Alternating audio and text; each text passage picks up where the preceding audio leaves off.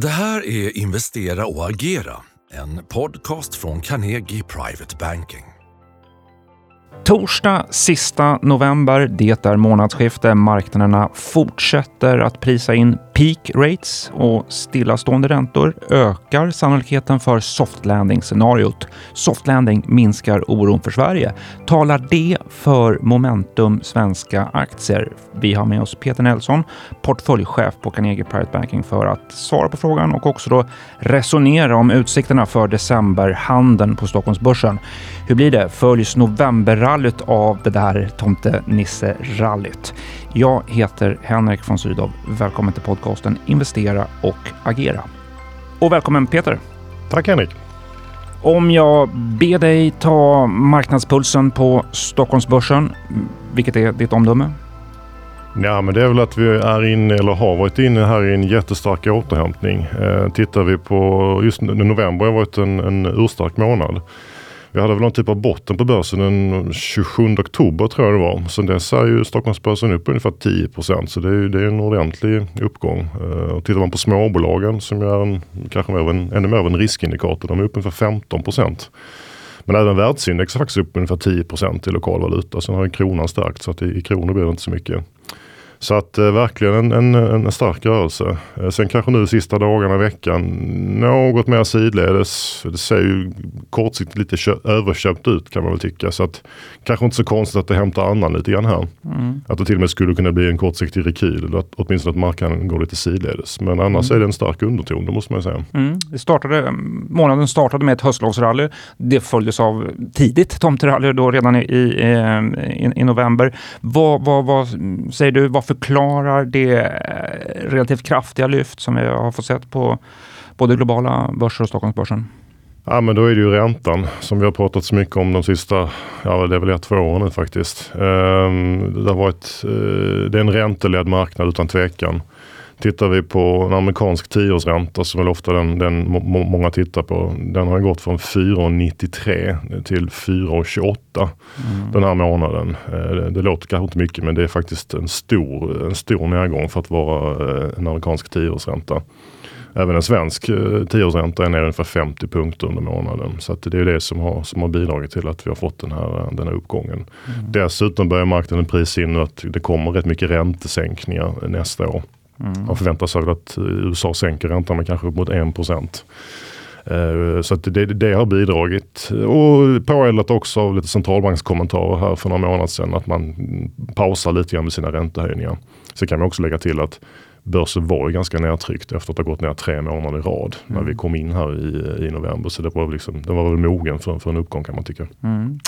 Det som jag nämnde i, i starten på podden att eh, justeringen av räntorna och pausade räntor, platåade räntor, så att säga, det, det ökar sannolikheten för soft landing-scenariot och det skulle då också minska oron för Sverige. Talar det för att globala institutionella investerare nu kommer intressera sig mer för svenska aktier framåt? Ja, men på marginalen tror jag att du kan ha rätt där. Eh, vi vet ju att när, när det blir mer riskvilja i marknaden så brukar ju Sverige dyka upp på, på radarn. Och, och softlanding är väl någonstans bra lite grann för riskviljan. Men sen är det igen också det här med räntor. Vi vet ju att svensk, både svensk ekonomi och svensk börs är räntekänslig. Så att eh, när räntorna går ner då, då, då, är det liksom, då är det bra för Sverige. Så att jag tror nog att det finns finns lite av det där också. Sen kan man säga också att vi har ju mycket konjunkturkänsliga bolag på Stockholmsbörsen och en soft landing är då mycket bättre än en hard landing som ju liksom, det påverkar de konjunkturkänsliga bolagen betydligt mer. Så mm. jag, jag skulle säga. Mm. Om vi fortsätter blicka framåt, vad, vad tror du kommer styra eh, sentimentet och humöret på marknaderna framåt? Vilken information kommer vara viktigast eh, för dig? Nej, men eftersom räntan har satt fart på det här så är det ju liksom det vi får fortsätta bevaka. Eh, kan, kan räntorna liksom fortsätta och eh, åtminstone då inte stiga så är det väl bra. Så att, då är vi tillbaka till det här med inflationssignal och centralbankskommentarer. Så att det är ju det är ju det vi får liksom hålla ögat på. Men sen är det ju det här med, med softlanding som du tar upp. Att, att eh, vi får följa de signalerna om det faktiskt blir en softlanding eh, e-, eller inte. Eh, man ska ju inte helt såklart avskriva risken för att det ändå kan bli någon typ av hard landing eller recession. Mm traditionella mönster säger ju egentligen att det kanske borde bli en hard landing efter den typen av kraftiga ränteuppgångar som vi haft och den här inflationschocken som vi haft. Då brukar det ofta bli hard landings. Eh, men låt oss hoppas att det inte blir den här gången. Mm. Så att titta på konjunkturindikatorerna, framförallt kanske arbetsmarknadsstatistiken. Mm. Liksom så att inte det blir för stora uppgångar i arbetslösheten. För det är det som kan knäcka det här i så fall ändå i slutändan. Mm. Så det är väl det som vi framförallt följer just nu skulle jag säga. Och om man ställer frågan så här då, efter det starka rallyt i november, vad är det som kan ge kraft? Vad kan ge bränsle till en fortsatt börsuppgång? Det är om nuvarande fort, utveckling fortsätter. Eh, det vill säga att, att helst att räntorna kan falla ner ytterligare. Men det kan ju också räcka att de faktiskt tror, står lite still på de här nivåerna. Eh, och att det då samtidigt soft landing-scenariot bekräftas. Då tror inte jag den här rörelsen behöver vara över utan då kan det finnas mer kraft att hämta i det här. Att mm. oron helt enkelt försvinner. Du, som sagt månadsskifte eh, på fredag. Eh, om vi pratar om december trade, vad, vad, ser du framför dig för, för handel i december? Hur ser kartan ut? Ja, det är ju alltid liksom svårt att säga om väldigt kort sikt och som jag nämnde inledningsvis. Nu har det gått väldigt starkt så man ska väl inte eh, avskriva risken för en mindre rekyl heller att det går lite sidledes. Men eh, vi tycker ju ändå att vi är inne i det här liksom, vi har säsongsmönstret med oss, det brukar vi prata om. Så att eh, även om nu, jag vet inte om det är så att julrallyt kommer redan i november men vi tror ändå att det kan bli en hyfsad eh, avslutning eh, på året. Alltså att, eh, helt klart finns det fog för en okej marknad framåt för december tror vi också. Mm. Och givet det, i huvudet på en portföljchef just nu får jag be dig resonera om vad du ser som möjliga nästa drag i en portfölj med svenska aktier? Mm. Vi tittar ju oftast mer på enskilda aktier än så här teman och, och sektorer. Så det handlar mycket om liksom enskilda bolag. Men om man ska säga någonting lite mer generellt så tror jag att småbolag som vi har pratat mycket om på Carnegie de sista månaderna och som vi vet om är någonting som blir mer intressant i en positiva marknad. Så det är där vi letar just nu om vi kan hitta nya småbolag till portföljen. Ehm, sen så tycker jag ändå man får vara lite ödmjuk här. Att, att som jag sa innan här, att skulle det visa sig att det här softlanding-spåret inte stämmer, då får man vara rätt liksom, snabb på att ändra uppfattningar. Så jag tror att man får lite grann spela bollen som det ligger och vara beredd på att det kan svänga en del framöver. Men, men mest intressant jaktmark skulle jag säga ändå är småbolagen. De som inte har stigit så mycket än och där kan finnas mer potential framöver. Mm. Om vi ställer frågan så här, om, om det är mer sannolikt med en ränteplatå, eh, vilka aktier tycker du blir mer köpvärda? Jag fiskar lite grann eh, efter fastighetsaktierna. Ja, det förstår jag och det är väl rimligt att du gör det också. För att det är klart att eh, det är väl det som har tagit mycket stryk här under det sista året där man får fortsätta att leta och då är det ju fastigheter som du nämner. Men man kan även ta upp, tycker jag faktiskt lite kanske då bygg.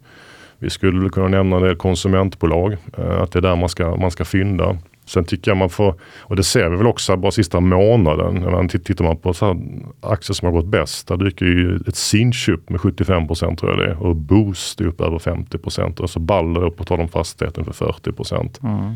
Så det finns ju inte ett enormt bränsle där. Vi tycker att man ska ändå man får liksom, om man ska tänka lite mer långsiktigt, var försiktig med de bolagen som så att säga inte har rätt kvalitet. Där man bara ser en väldigt snabb studs och sen så kan det liksom falla tillbaka igen. Men absolut, det, som har fått mycket stryk på ränteuppgången tror jag är fortsatt och som har liksom en viss kvalitet i sig, det är där man ska leta. Mm. Intressant och om vi då eh, ska summera och givet den kartan och det resonemanget som du har fört, hur, hur tycker du att privata investerare nu ska se över sin portfölj när vi går mot årsskiftet? Hur ska, hur ska investerare agera? Ja men först och främst så vi, vi har vi mer positiva till aktier i vår allokering här i början på månaden. Så att har man liksom inte hängt med på det så tycker vi väl, även om det har gått upp en del nu, så tycker vi väl att om man är lite mer långsiktig att det kan vara dags att fundera på om man inte man ska ha mer aktier i sin portfölj. Speciellt om man har legat och, och väntat nu länge på att, på att, på att bli, bli, lite mer positiv. Då, då, tycker vi att det ska man nog fundera på. Och sen småbolagen som jag nämnde, se till att man har en hyfsad andel småbolag i sin portfölj. Eh, det, det, det, är väl läge nu att man i så fall viktar upp dem. Sen är det alltid, eh, speciellt kanske inför årsskiften, just ett bra tillfälle att liksom titta på att rebalansera sin portfölj. Har man inte sett över den på ett tag och att vissa tillgångar har antingen försvunnit helt ut ur portföljen eller blivit för stora. Då ska man eh, passa på att rebalansera så att man har den allokering som man faktiskt vill ha. Mm. Uh, och sen så tycker vi, om man ska säga något annat också, faktiskt guld tycker vi ju är, en bra kandidat för diversifiering i en portfölj. Inte minst om det faktiskt skulle också bli tillbaks lite grann till det här hard landing scenariot som plågade oss lite grann under tidigare under året. Då är guld en bra tillgång. Vi tycker mycket talar för att, att guld kan vara en bra, bra komponent i en portfölj också just nu. Okej, tack för det Peter. Det blir slutordet, utgången för samtalet. Tack Peter. Tack.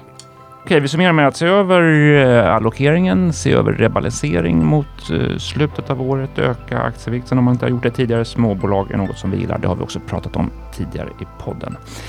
Tack eh, också då förstås ni som har lyssnat. Nästa podcast det släpper vi den 7 december. Välkomna att lyssna då och tack för idag.